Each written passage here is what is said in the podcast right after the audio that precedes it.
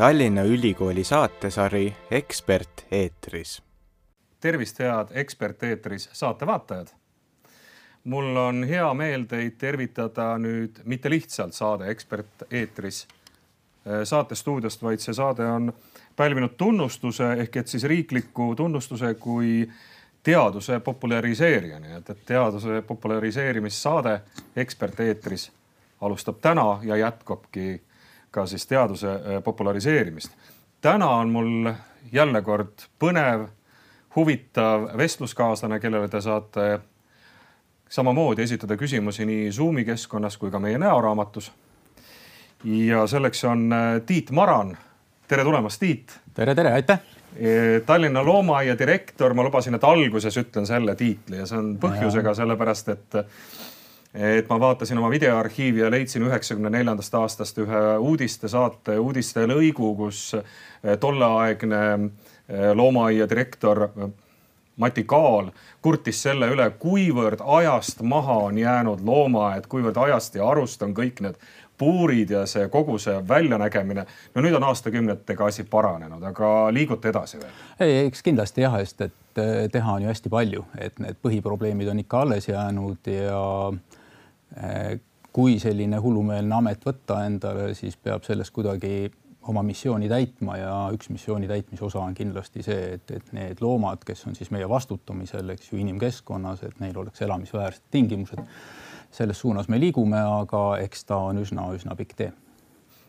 aga mõned sammud, mõned sammud, mis, milline tulevik meid ootab?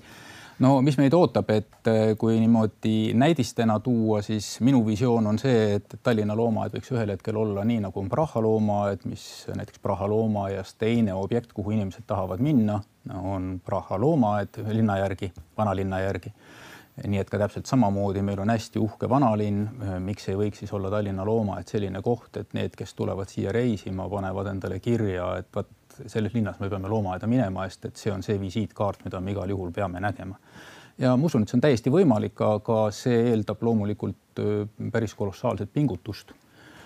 sest eks meil on hästi toredad inimesed, aga me peame ennast hästi palju harima ja muidugi me peame hästi palju ehitama ja muutma, nii et, et suur väljakutse aga kui sa tahad küsida, et mis konkreetsed asjad ja, on, no just, siis millised on, ägedad näited? no jah. kaks ägedat näidet kindlasti ja. on, on seesama troopiline vihmamets, mis nüüd loodetavasti järgmise aasta algul, selle aasta lõpul läheb ehitamiseks ja, ja siis, mis on hästi põnev just, on see tiigriorg kõikide nende loomadega ja erispäraste konstruktsioonidega, mida praktiliselt Euroopas kuskil ei ole, mis nagu äh, selle looma ja kindlasti teeks väga eripäraseks terves Euroopas. Ja noh, loomulikult loomade heaolu äh,, tähelepanu pööramine ka nendele loomadele looduses, kes meil on, et noh, see käib selle asja juurde, et me oleme ikkagi nagu sõnumitoojad ja, ja hoolivuse kasvatajad ja ise ka hoolimas, et see on siis ühelt poolt see loodusharidus ja teiselt poolt see, mida saab teha looduskaitse, loodushoiu alal on siis kerge olla nii populaarse asutuse juht? ma kunagi vaatasin näoraamatu lehekülgi, mis oli seostatud sõnaga Tallinn. kõige esimene on Tallinna loomaaed, siis tuleb tükk tühja maad, siis hakkab tulema Tallinna botaanikaaed, Kadrioru park muidugi, haridusamet, nipet-näpet, teised tulevad järgi, aga no, mis ma pean ütlema, ilmselt meie kommunikatsioon on siis head tööd teinud. ma arvan, et teil on ka väga hea sisu, inimestele meeldivad loomad. jah, kindlasti, sest Äh, me oleme natukene juba filosoofilisse tausta, et miks neile nii kangesti meeldivad need loomad, aga sinu esimese küsimuse peale ütleme nii, et, et väljapoolt võib ju tunduda, et naeratus on näo peal, aga ega see lihtne töö ei ole, see on täiesti selge, eks ju, sest kui me räägime loomaaiast, loomaaed on korraga akadeemiline asutus ehk tegeleb teadusega, on haridusasutus kuna me tegeme loodusharidusega, siis meil on meil loomafarm ainult selle vahega, et, et meil on nelisada loomaliiki paari loomaliigi vastu, mis on siis kuskil põllumajanduskohtades, me oleme diplomaatiline asutus, meil on vaja suhelda kogu aeg inimestega, kommunikatsiooniasutus ja noh, ilmselt ma olen millegi nüüd ära unustanud, aga neid, neid niisuguseid asju tuleb veel, et hästi mitmekesine see on väga suur töö juba ühele inimesele, võiks jaotada mõnele teisele veel aga lisaks oled sa elus veel võtnud rolle, sul on veel aktiivseid tegevusi, millega sa tegeled, et eh, milline see palett on, mis sind ümbritseb? no sa tahad saada vastust küsimusele, et, et, et. kes sa oled? jah, täpselt ja,. aga professiooni mõttes alustame kõigepealt. vaata mul, kui see küsimus, kes sa oled, mul tuleb oma isa film Värvilised uned meeles, kus noor tüdruk esitab äh, kaadris küsimuse, kes sa oled ja see on just kõige olulisem küsimus, mõtistada lahti, kes sa oled, eks ju, et, et eks ega igaüks mõtistab seda ise lahti, mis ta on, mõningad jäävad ka su enda teada. mõned aga... ka kogenevad selle küsimuse eest ju.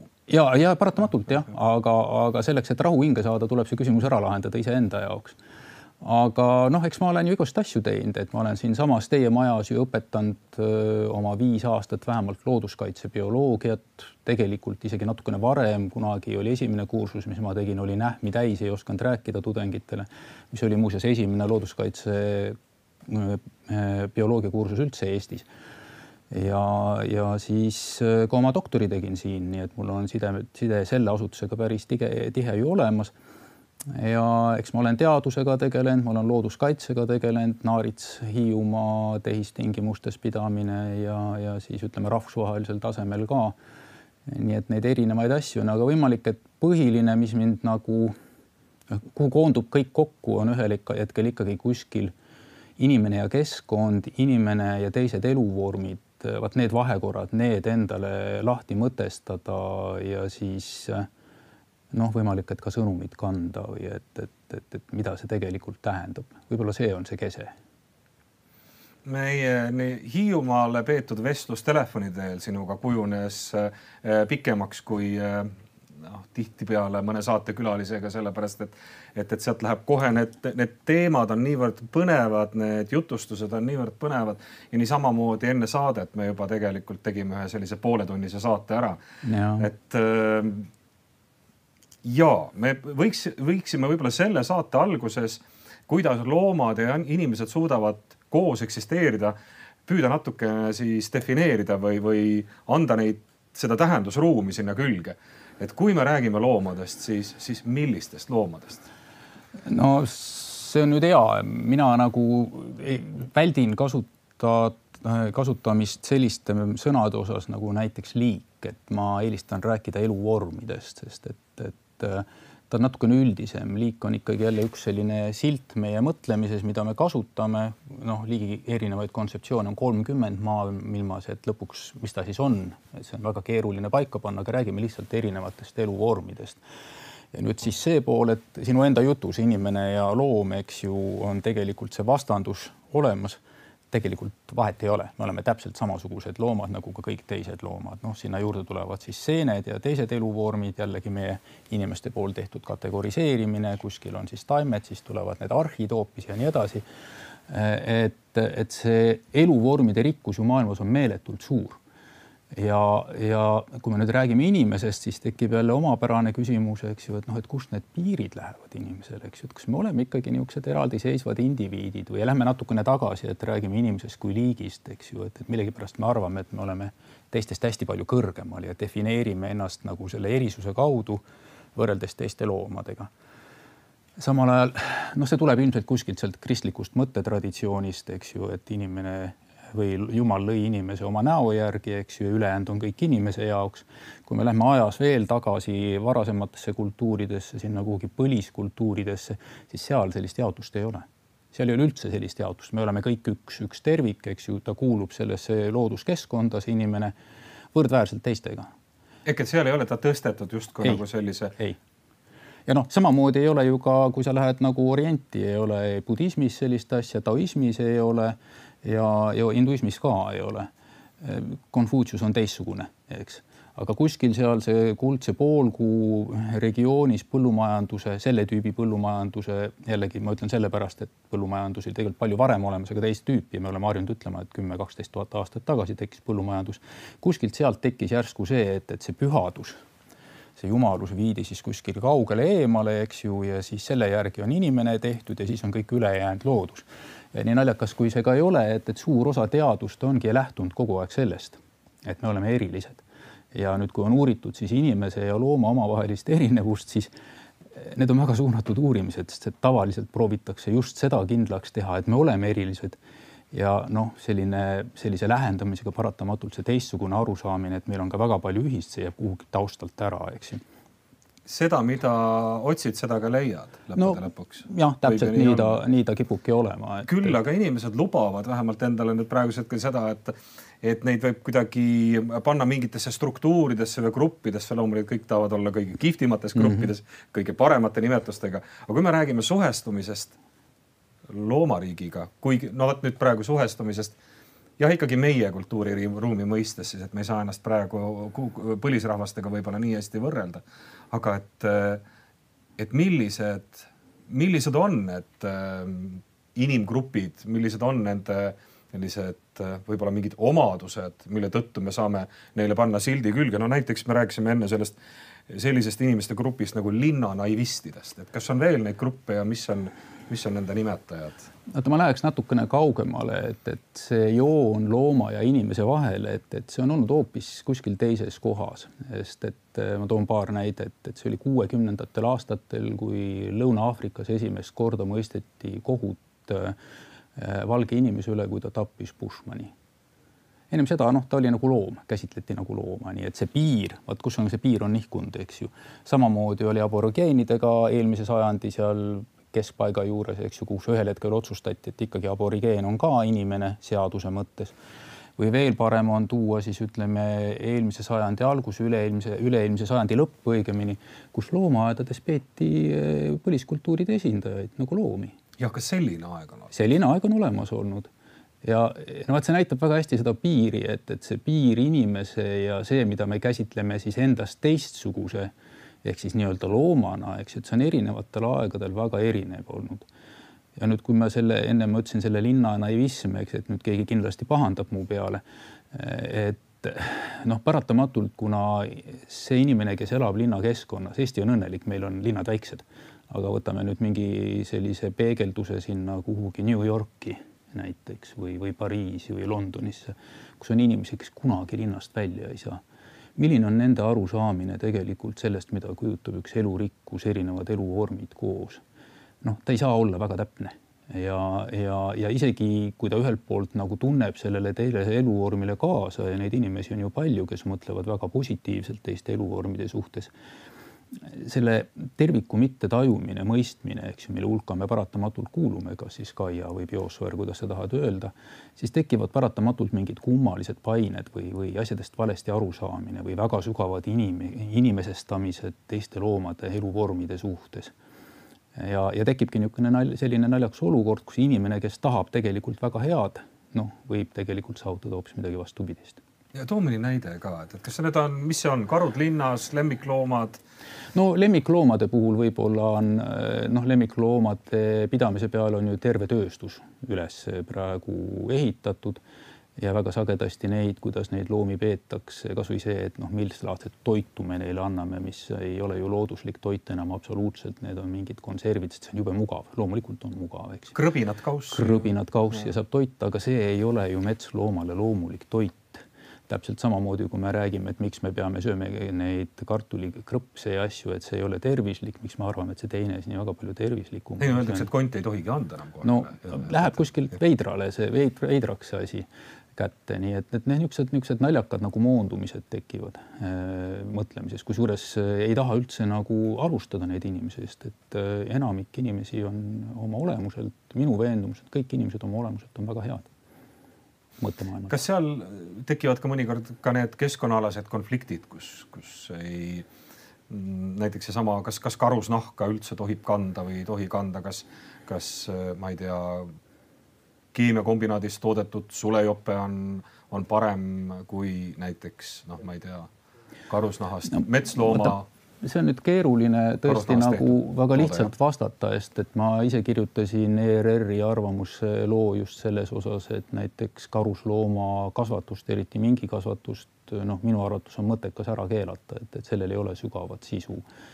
ma tõin küll põhiliselt ökoloogilised argumendid seal, aga täpselt samamoodi on ka see heaolu argument, sest et selleks, et et ütleme, kommertsstruktuur saaks töötada, ta peab ennast üles ka skaleerima, et ta peab hoidma võimalikult odavates tingimustes hästi-hästi palju loomi. ja see tähendab paratamatult see, et seal ei ole võimalik tagada, ütleme nii-öelda loomväärseid tingimusi nendele loomadele. see, see on, see, see lihtsalt ei mahu sinna sisse, et me võime küll teha neid mingeid nii-öelda eh, loomade heaolu arvestavaid mikroparandusi, aga olemust ta ei lahenda ja, ja minu arust see farmi teema sellisel kujul on, on puhtalt eetika teema, et kas me nagu peame vajalikuks neid farmides pidada või ei pea. ma näen, et see meie arvamused muutuvad siin väga kõvasti, aga samal ajal ma arvan, et näiteks metsas küttimine, loomade küttimine noh, see, see, ma ei näe, et see on probleem, juhul kui ta on mõistlikes äh, printsiipides, sest et rebane murrab teisi loomi, karu murrab, noh, karu võib-olla on halb näide, ta on pooltaimtoiduline, aga ütleme hunt. See käib elu otsa, elu sisse, murdmine ja, ja söömine, kõik sõltub vahekordadest ja ütleme, inimene kui eetiline loom, vot kuigi teistel loomadel on eetikat ka teada äh,, on, on selline asi, et noh, et, et nagu mõttetut äh, tapmist noh, mis on omal ajal palju tehtud, kui tuua kasvõi see Ameerika Ühendriikide piisonite tapmine või, või nende rändtuvide tapmine, mis oli üle mõistuse, mis toimus.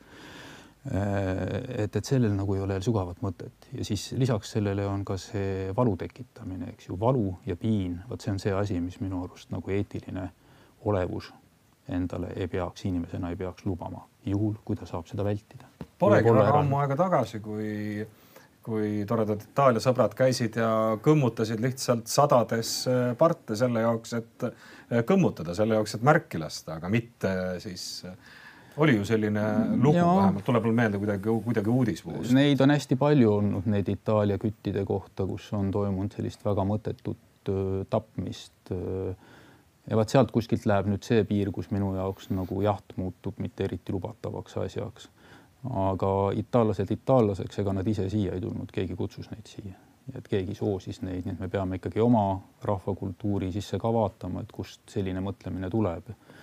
Keegi tahtis kindlasti raha teenida, aga jälle siis, et, et kes sa oled, see küsimus, eks ju, et kas see on see viis, kuidas teenida.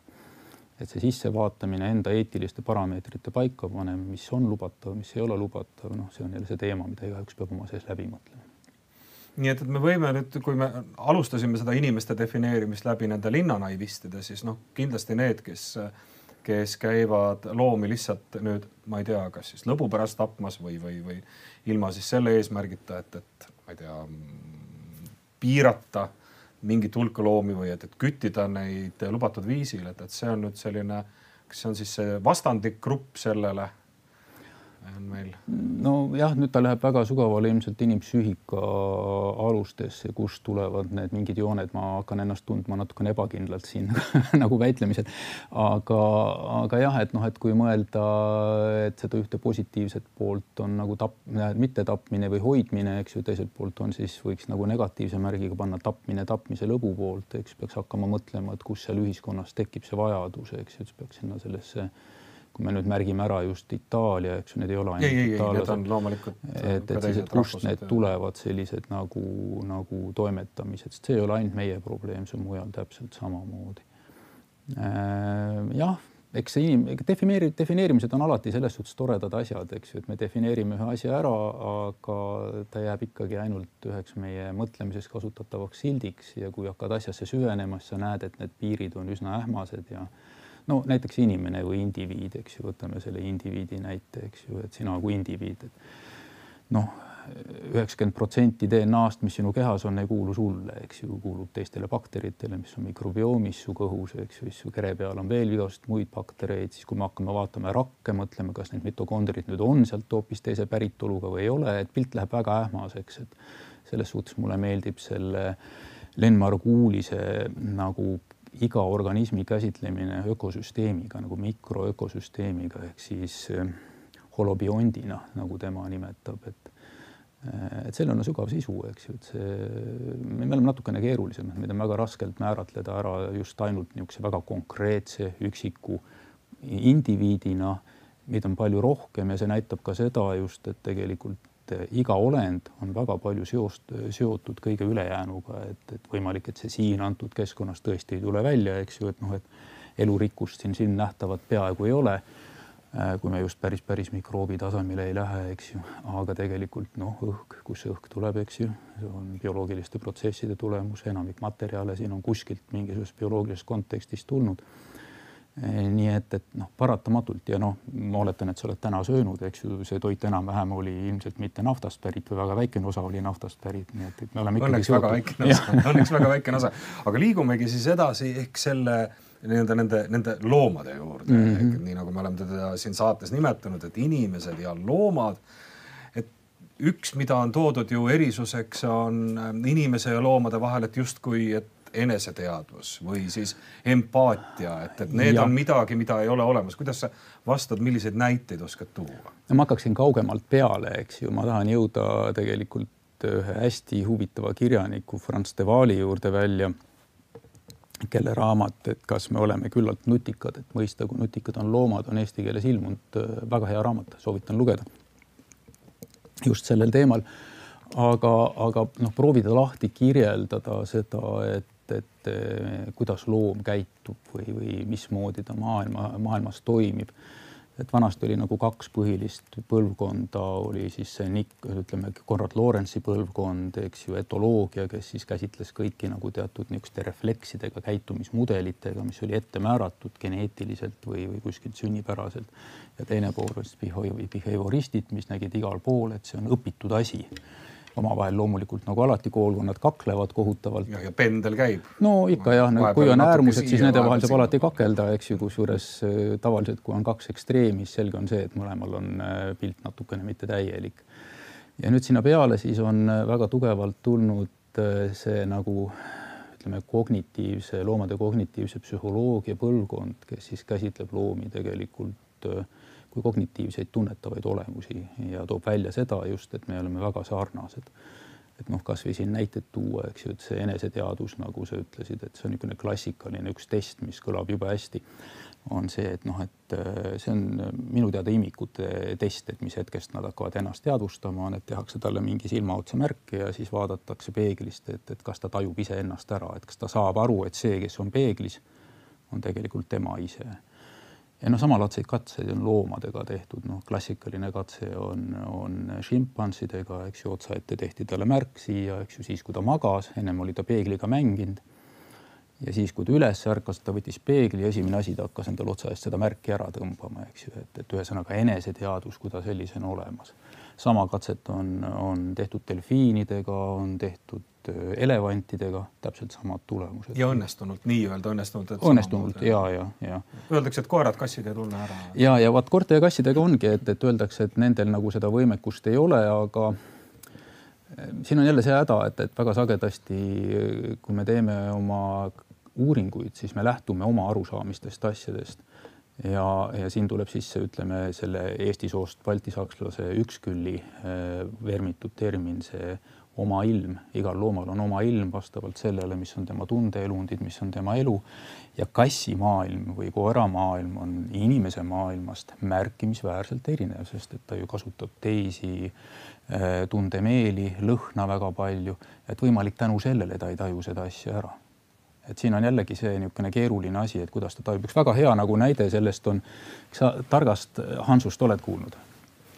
Targast Hansust äh, ei ole kuulnud küll, aga ühest rumalast, ma võin temast pikalt rääkida äh, no ma räägin sulle targast Hansust. tark, tark, tark Hans oli, oli hobune. see on hästi-hästi klassikaline lugu on selles suhtes, et oli üks hobune, kes oskas arvutada. jah, nüüd tuleb küll meelde. ja, ja ta suutis arvutada ja, ja täiesti häda, teadlased uurisid, vaatasid kõrvalt, et, et peremees andis talle ülesande, eks ju, ja siis hobune kopsis oma kabjaga nii kaua, kui oli siis kas liitmine, lahutamine, jagamine, korrutamine, et ma neid tehteid ma ei mäleta, kas need ka olid, aga andis alati õige vastuse. väidetavalt seal oli ikka mingi pettus taga. ei olnud, ei olnud, ei olnud pettust taga, see ongi kõige huvitavam selle asja juures. Ja no professorid, kõik suured tähtsad inimesed, eks ju, ühel hetkel pidid ütlema, et jah, et tõesti kummaline asi, et, et tõepoolest oskab arvutada ja ei osanud nagu lahendust leida ja vähemalt seda, mida mina olen lugenud, et et siis oli üks noh, niisugune praktikant, ütleme siis magistri ohtu ja tegemist, et aga, aga äkki me peaksime vaatama ka seda, kes noh, see teine pool on seda inimene, kuidas tema käitub. ja siis, mis tuli välja tegelikult on see, et noh, jällegi see hobuse tunnetus on teistmoodi, ta suudab tajuda väga paljusid asju väga täpselt. ja kui nüüd see omanik andis talle tehti ülesande ja hobune hakkas kopsima siis ta tegi oma näoga mikroliigutusi. ja see hetk, kus oli õige, mikroliigutus muutus, inimesed ei tajunud seda, aga hobune tajus. ja sellepärast vastas õieti. nii et vaat selliseid huvitavaid asju on selle teadusmaailmas ja nende loomade uurimisel, et me väga sagedasti eh, mõõdame asju iseenda parameetrite järgi. aga, aga loomad on väga erinevad. et kuidas sinna loomaaeda sisse minna, sellesse oma ilma noh, ma naaritsega tegelen, et noh, kas ma suudan tajuda naaritsat sellel tasemel, kus ta on läbi tema tundemeelte, eks ju, kuidas ta seal käib, ei suuda. ma ikkagi ehitan läbi inimese endale mingisuguse konstruktsiooni ja proovin tast aru saada, aga kas ma saan kindel olla, et ma õieti aru saan? vist ei saa tehistingimustes olevad äh, loomad, kes enam ei olegi nagu justkui enam loomad, vaid, vaid elavad delfinaariumites, elavad meil kodudes. et seal on ju ka neid näiteid, kus äh, loomad äh, püüavad mõista seda inimese ilma ja sinna kuidagi sulandada või, või teha asju nii, nagu teeb inimene tuleb meelde see delfiini näide, mis sa. aa ja, ja see, see on jälle selline üks hästi tore klassikaline näide on, mul ei tule praegu selle delfiini nimi meelde see on pärit raamatust, mille pealkiri on, et, et kuidas rumalus või teadmatus äh, viib teadust edasi. hästi kirjutatud inglise autori Oxfordist pärit äh, teadlase raamat. soovitan lugeda, et, et ma võin selle nime sulle pärast välja otsida, kui sa tahad. ütle pärast, ma ühe raamatu nime panin juba kirja. aga, aga katse oli siis selline, et, et delfiin, kes oli delfinaariumis, talle anti mingid ülesanded ja kui ta tegi õieti kõiki asju siis äh, see treener võttis siit külmalt, külvalt väiksest ämbrikesest kala esimese poole ja andis talle toiduks, oli millegipärast eelistatud delfiinidele. ja kui ta tegi midagi valesti, siis ta astus viis sammu tagasi ja jäi sinna kaugusesse, täpset aega ei mäleta, aga noh, ütleme kümneks, viieteistkümneks minutiks, mis olid nagu trahvilöögid siis sellele delfiinile, et sa tegid asja valesti ja katsed toimusid kunagi kogu aeg ilusti, aga ühel hetkel kogemata see treener tegi näpuvea, et ta võttis siit selle peaosa asemelt sabaosa ja andis delfiinile, mille peale delfiin läks täpselt sama kaugele ja jäi täpselt sama pikaks ajaks, kui siis treener oli jäänud karistades delfiini. nii et järjekordselt delfiin suutis interpreteerida seda. kas see tõesti ongi see, et ta inter suutis no. interpreteerida käitumist ja tegelikult karistas tagasi treenerit, nii nagu treener karistas teda tähelepanust ilma jätmisega. vähemalt see on meie, meie interpreteering delfiini, delfiini interpreteeringust. Ja, ja ega me täpselt ei tea, aga ta tundub loogiliselt, et selline asi on. ja et hästi ja neid katseid ja neid asju on hästi-hästi palju huvitavaid, noh, siin tuleb kogu aeg juurde, ütleme empaatia osa öeldakse, et, et empaatiat ei ole, siin on huvitavaid asju, on liikidevahelisest empaatiast mul tuleb üks Jaapani film meelde, kus näidati, kuidas äh, küürvalad äh, kaitsesid ja hoidsid elus nende mõrtsukhaide rünnaku all olevat hallvaalava poega, sõna otseses mõttes kaitsesid teda nii kaua, et, et ta saaks selle mürtsuk, mõrtsukvaalade rünnakrühma eest nagu ära minna. ja see on, see on videolinal näha samm-sammult, kuidas see toimub. Ja neid katseid on veel on, ütleme koloniaalsete lindude puhul on teada aga need on sellised üksikud kohad, mida on väga raske viia tänapäevase teaduse noh, hüpoteesi testimise statistiliste meetodite peale, sest need on üksikud, kuhu me juurde pääseme, neid on väga vähe. aga neid näiteid on tegelikult koguneb järjest rohkem ja rohkem, nii et see empaatia on olemas tegelikult loomadel teiste liikide vastu, mitte ainult omasuguste vastu.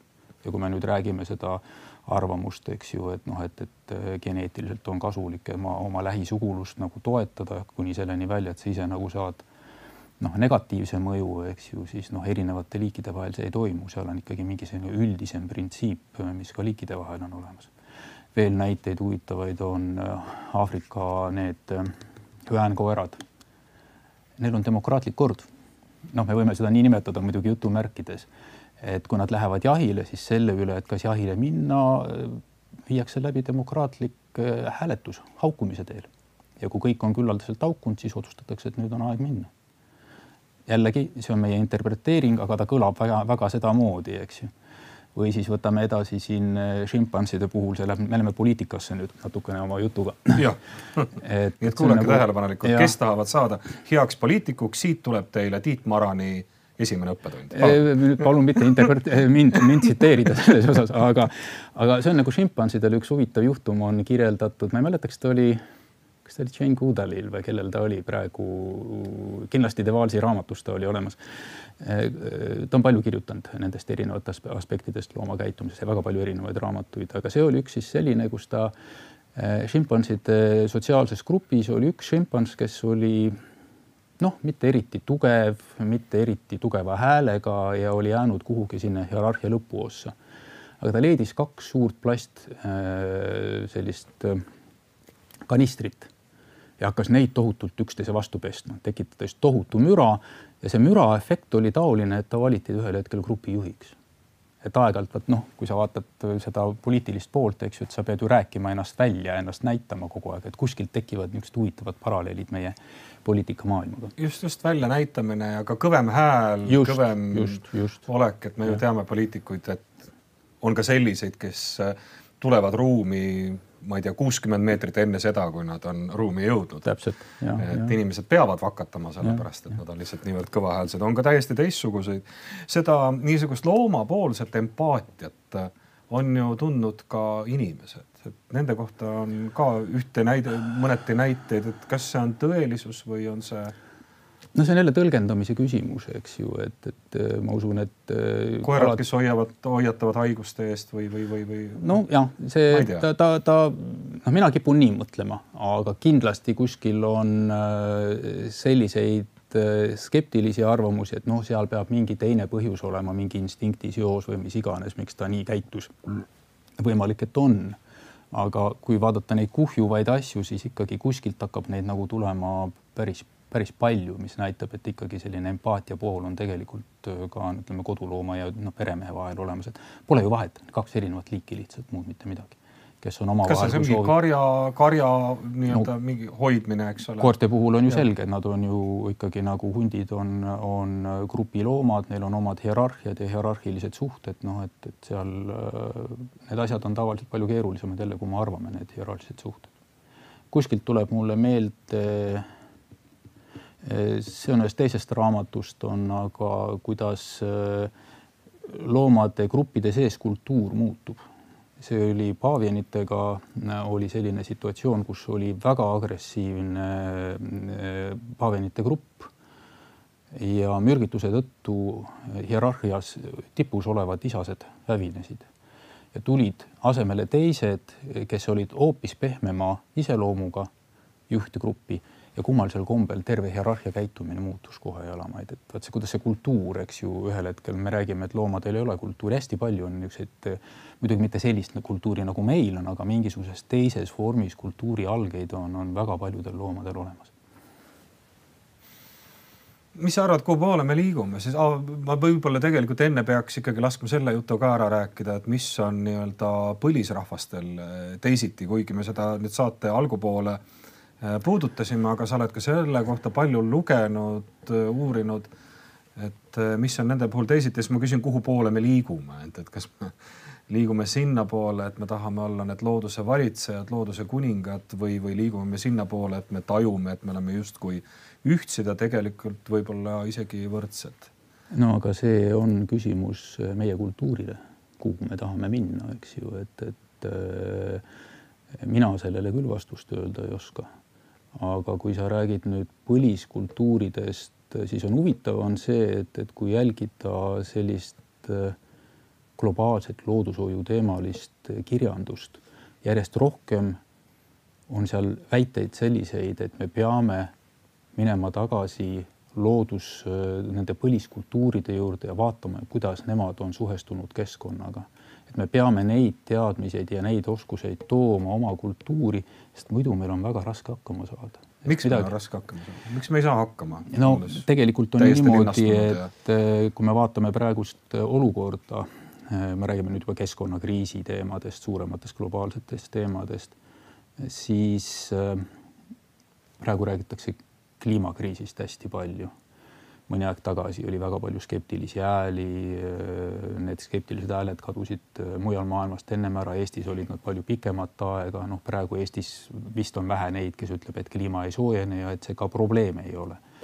siis tuleb elurikkuse hävimine meeletutes kogustes, mis kaob, eks ju, ja kui ta jõuab sinna nendele tasemetele, kus peavad massliigid olema nagu putukad, mis lihtsalt kaovad ära siis see tähendab, et, et selles kuskil süsteemis toimuvad mingid väga suured muutused, plastikukriis, noh, mis me veel toome, toome siia juurde mulla kadumise kriis, mis on väga suur, meie enda süsteemi jaoks energiakriis me võiksime veel leida neid hästi palju erinevaid mageveekriise ja nii edasi. ja jääb niisugune tunne, et meil on väga-väga palju erinevaid kriise. aga see on nagu kuidagi nagu nihkes vaatamine, sest tegelikult see sisuline olemus on ikkagi kriis, mis tegeleb fundamentaalses vastuolus sellest, kuidas praegune kultuur, praegune tsivilisatsioon näeb enda ja keskkonna suhet ja keskkonna, biosfääri, kaia, kuidas sa tahad öelda, eks ju, olemuse vahel. Kaia ei muutu ja kaial ei ole meid tarvis või, või biosfääril, eks ju, ta ikkagi seda, et nüüd elu täielikult maa peal ära kaob, ma noh, me nii võimsad ka ei ole, see ma olen üsna veendunud. aga, aga kui me ei muuda ennast, siis meil eeta, hoiavad, tulevad ees väga-väga rasked ajad. muutused tulevad nii ehk naa, seda ei ole võimalik vältida. keskkonnahoiu kuidas... algus on alguspõhimõte oli ju see, et, et kui me ei hoia keskkonda, siis või looduskaitse, et kui me ei hoia loodust, kui me ei hoia keskkonda, siis me tegelikult hävitame iseennast kui liigi ja loomad jäävad ja eksisteerivad, aga meie enam ei eksisteeri koos nendega. no ma isegi arvan, et, et tegelikult ega me nii võimsad vist ka ei ole, et me täielikult nagu liigi suudaksime hävitada, sest et hästi palju on erinevaid, noh, mitte palju, neid on vähe järgi jäänud, aga on kultuure, kes on nagu elavad selles, vot selles kontekstis, looduskontekstis ja, ja väga heas nagu seoste tajumises. Põhimõtteliselt teema on see, et, et see kultuur, kuhu ta läheb, et kas ta läheb järjekindlalt oma sisemist muutuseid tegemata väga räigetesse muutustesse või on kultuur teadlikult suutma, suuteline iseennast muuta ja see ei ole lihtne tee. see on see, mida näiteks eh, tähendab elurikkuse paneel, mis oma aruande eh, tegi, mis ta oli nüüd aasta või kaks tagasi, juba aeg muutub nii kiiresti, et ma enam ei mäletagi, mis aastal see oli täpselt. Neil on seal toodud sisse mõiste transformative change, kõike läbib muutus, et seda pole eriti hästi lahti kirjeldatud, aga selle sisu on just täpselt see. meil on vaja teha väga-väga suured põhimõttelised muutused selles, kuidas me maailma näeme, kuidas me maailma tajume, sellest suurest narratiivist või kui soovid öelda ka religioonist, see on nüüd jälle selle sõnakasutuse teema. ja, ja samuti ka kõikidest struktuuridest, mis seda narratiivi toetavad. Ja siia kuulub seadusloome, siia kuulub administratiivne süsteem, siia kuulub majandus, ka teadus, ka haridus, kõikides tuleb teha väga suuri muutuseid sa ju tead, et ma kohe küsin, et ole hea, palun too mõni näide, millest inimene ka aru saab, et Just. mida ta siis muutma peab, et. Äh, aga see on see kõige keerulisem asi, sest et ega kui, kui meil oleks valmis retseptid, eks ju, kuidas omletti teha, siis oleks väga lihtne, aga meil neid valmis retsepte ei ole aga no, pisikesed sammukesed võib-olla on, et ära, ära loobi prahti merre. ei, ma hakkaksin või... kuskilt hoopis teistest asjadest peale, üks, kui ma vaatan hariduse poolt, on, on ju hariduse selline kastistumine, et, et meil äh, mitte nüüd alahinnates näiteks juriste või majandusteaduseid või haldusjuhte. Nad saavad oma hariduse ja nad lähevad toimetama, aga neil tegelikult ei ole mitte mingitki arusaamist, mida kujutab see biosfäär, kus me oleme. See elukeskkond, kus me elame ja need seosed. et nad ei olegi ette valmistatud selleks, et nad suudaksid selles kontekstis mõelda, muidugi eeldusel, kui nad ei ole ennast ise juurde harinud, neid inimesi on ju palju, kes ennast pärast ise juurde haritakse, põhi, formaalne haridus seda poolt neile ei anna ja vot siis tekib see teema, et noh, et, et kas me saamegi nõuda nendel, kes ühel hetkel jõuavad kuhugi juhtivatele positsioonidele, et nad suudavad tajuda eh, meie ees olevate probleemide suurust. Et see on, see on hoomamatult suur. üks hea näide, ma toon Covidi teema sisse siia, kui sa lubad. igati asjakohane. Covidi puhul öeldi, et eh, noh selle aasta jooksul CO2 väljapaise atmosfääri on vähenenud kaheksa koma kaheksa protsenti, mis on täiesti pretsedenditu praktiliselt kogu äh, meie industriaalse ühiskonna ajaloo jooksul, niisugust asja pole kunagi ennem olnud. kaheksa koma kaheksa protsenti, keskkonna jaoks ju väga hea näitaja. Kui me vaatame Pariisi äh, kliimakonverentsi soovitusi, et meil oleks vaja nagu temperatuuri lasta tõusta mitte üle ühe koma viie kraadi siis selleks oleks vaja langetada CO2 paiset keskkonda seitse kuni kaheksa protsenti iga järgmise aasta jooksul, kümne aasta jooksul. ta paneb väga hästi perspektiivi, et kui suured on tegelikult need väljakutsed, mis meie ees on. Jah, me teame, milline on olnud meie see, see aasta. no aga mõtle seda aastat. reisinud väga palju, me oleme tarbinud vähem. just ja just. praegu me räägime, turism on kokku kukkunud ja kukkumas praktiliselt, eks ju, meelelahutustööstus on tohutatus, tohututes niisugustes rasketes piinades. aga, aga see annab meile perspektiivi. muidu me ei taju seda, me võime teha roheleppeid ja igasuguseid uusi rohe Eh, neid tehnoloogiaid tuua, sellega on see asi on see, et tehnoloogiad vajavad ressursse ja kust need ressursid tulevad. see läheb nagu uuele kaevandusringidele, uue, uue keskkonnamõju ringidele. Eh, me võib-olla ostame aega natukene, aga kui me räägime majanduskasvust kogu aeg, majanduskasv teatavasti on eksponentsiaalne, protsent tuleb iga aasta juurde ja lõppküsimuses, kas me kukume suurde kriisi sisse neljapäeval või reedel, seal enam olulist vahet ei ole milline on see suur kriis, mida sa nii-öelda kui ma seda teaksin, kui ma seda teaksin, et selge on see, et samamoodi edasi minna ei saa, aga ütleme oma ulatuse osas, mis meid ees ootab. Eh, ma usun, et Euroopa tsivilisatsioonil sellist eh, asja pole ennem olnud. et see on ikkagi, ikkagi märkimisväärne muutus. ja nüüd, kui võib öelda, et see on väga morbiidne, eks ju, et, et noored inimesed, et püha jumal, eks ju, et see on niisugune maailma lõpu oot peaaegu, mis ma räägin, ei ole, see on suur muutus ja kui ma räägin nüüd nendest inimestest, eks ju, kellel elu on praktiliselt ees, nad teevad oma töid. Eh, see on väljakutse ja see on ka endale väga olulise tähenduse leidmine. küsimus ja seesama, mis meil oli alguses, et kes sa oled. et siis me tuleme sama juurde tagasi, et, et siit saab väga palju, inimene võib leida endale missiooni või, või et mille nimel ta toimetab. et leida viise, kuidas seda kultuuri, seda praegust narratiivi muuta selleks et need muutused, mis toimuvad nii ehk naad, et nad ei oleks väga valusad. kas sa oled märganud seda, et, et nüüd viimastel aastatel kindlasti oled, aga et, et, et, et mis sa sellest, mis sa sellest arvad, küsin ma, et, et, et praegusel hetkel need noored, kes astuvad ülikoolidesse mm,. päris palju, kui sa lased neil kirjutada vabal teemal esseesid, mõelda mm, -hmm. te, teha veenva kõneesitlusi, siis nad räägivad rohkem kui vanasti keskkonnahoiust, sellest, et ei pea niisama, ei tohiks niisama lõbu pärast tappa, et farmid ei ole okei okay,, et peaks sööma rohkem rohelist ja nii edasi, et või noh, mõtlema, mis tuleb meie toidulauale, mida me selga paneme, milliste autodega me sõidame. ja ma ütlen sulle, et kuskil võib-olla viis, kuus, seitse aastat tagasi sellist trendi ma ei märganud. nüüd ma nagu märkan absoluutselt nõus, et see on kindel, sest et see on, on see, mis mul alati silma särama paneb, kui ma näen neid äh, noori, kes proovivad mõista, lahti mõtestada ja kuskile midagi viia, et ma ise pean siin kontekstis just haridust väga tähtsalt ja sellist ähm, noh, informaalset haridust.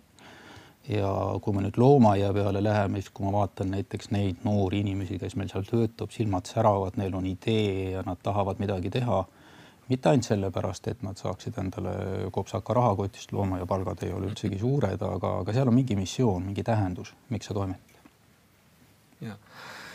me peame oma äärmiselt põneva saate hakkama kokku tõmbama ja me alustasime loomadest, tegelikult alustasime inimestest, siis loomad, loomad, inimesed, inimloomad mm. ja, ja lõpuks läbi keskkonna nüüd tahaks jälle nii-öelda kotisuu kokku õmmelda jälle sellega, et aga mis siis on äh, läbi nende mõtete, mis me siin saates oleme kandnud, et, et mis siis on inimeste ja loomade eksistentsi tulevik sinu hinnangul? ma ise tahaks kangesti loota, et, et eh, ühel hetkel tekib ikkagi siit põliskultuuridest tulev arusaamine, et me kuulume kõik ühte.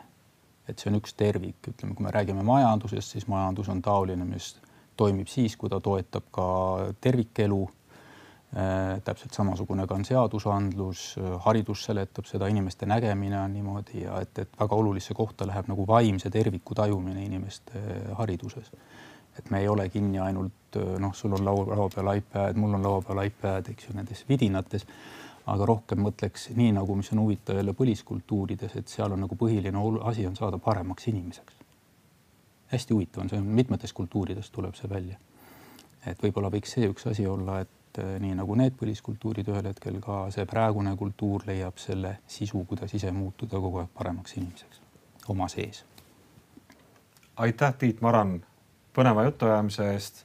see on väga hea mõte lõpus, et püüame saada paremaks inimeseks, et ärme aja nii palju taga mammonat ja, ja vidinaid. Tiit Maran oli meil tänane saatekülaline ja järgmises saates Ekspert eetris on külaliseks Katrin Saksal, tema nimekaim Katrin Tiidenberg ja jutt on muidugi sotsiaalmeediast. ilusat nädalat ja kohtumiseni jälle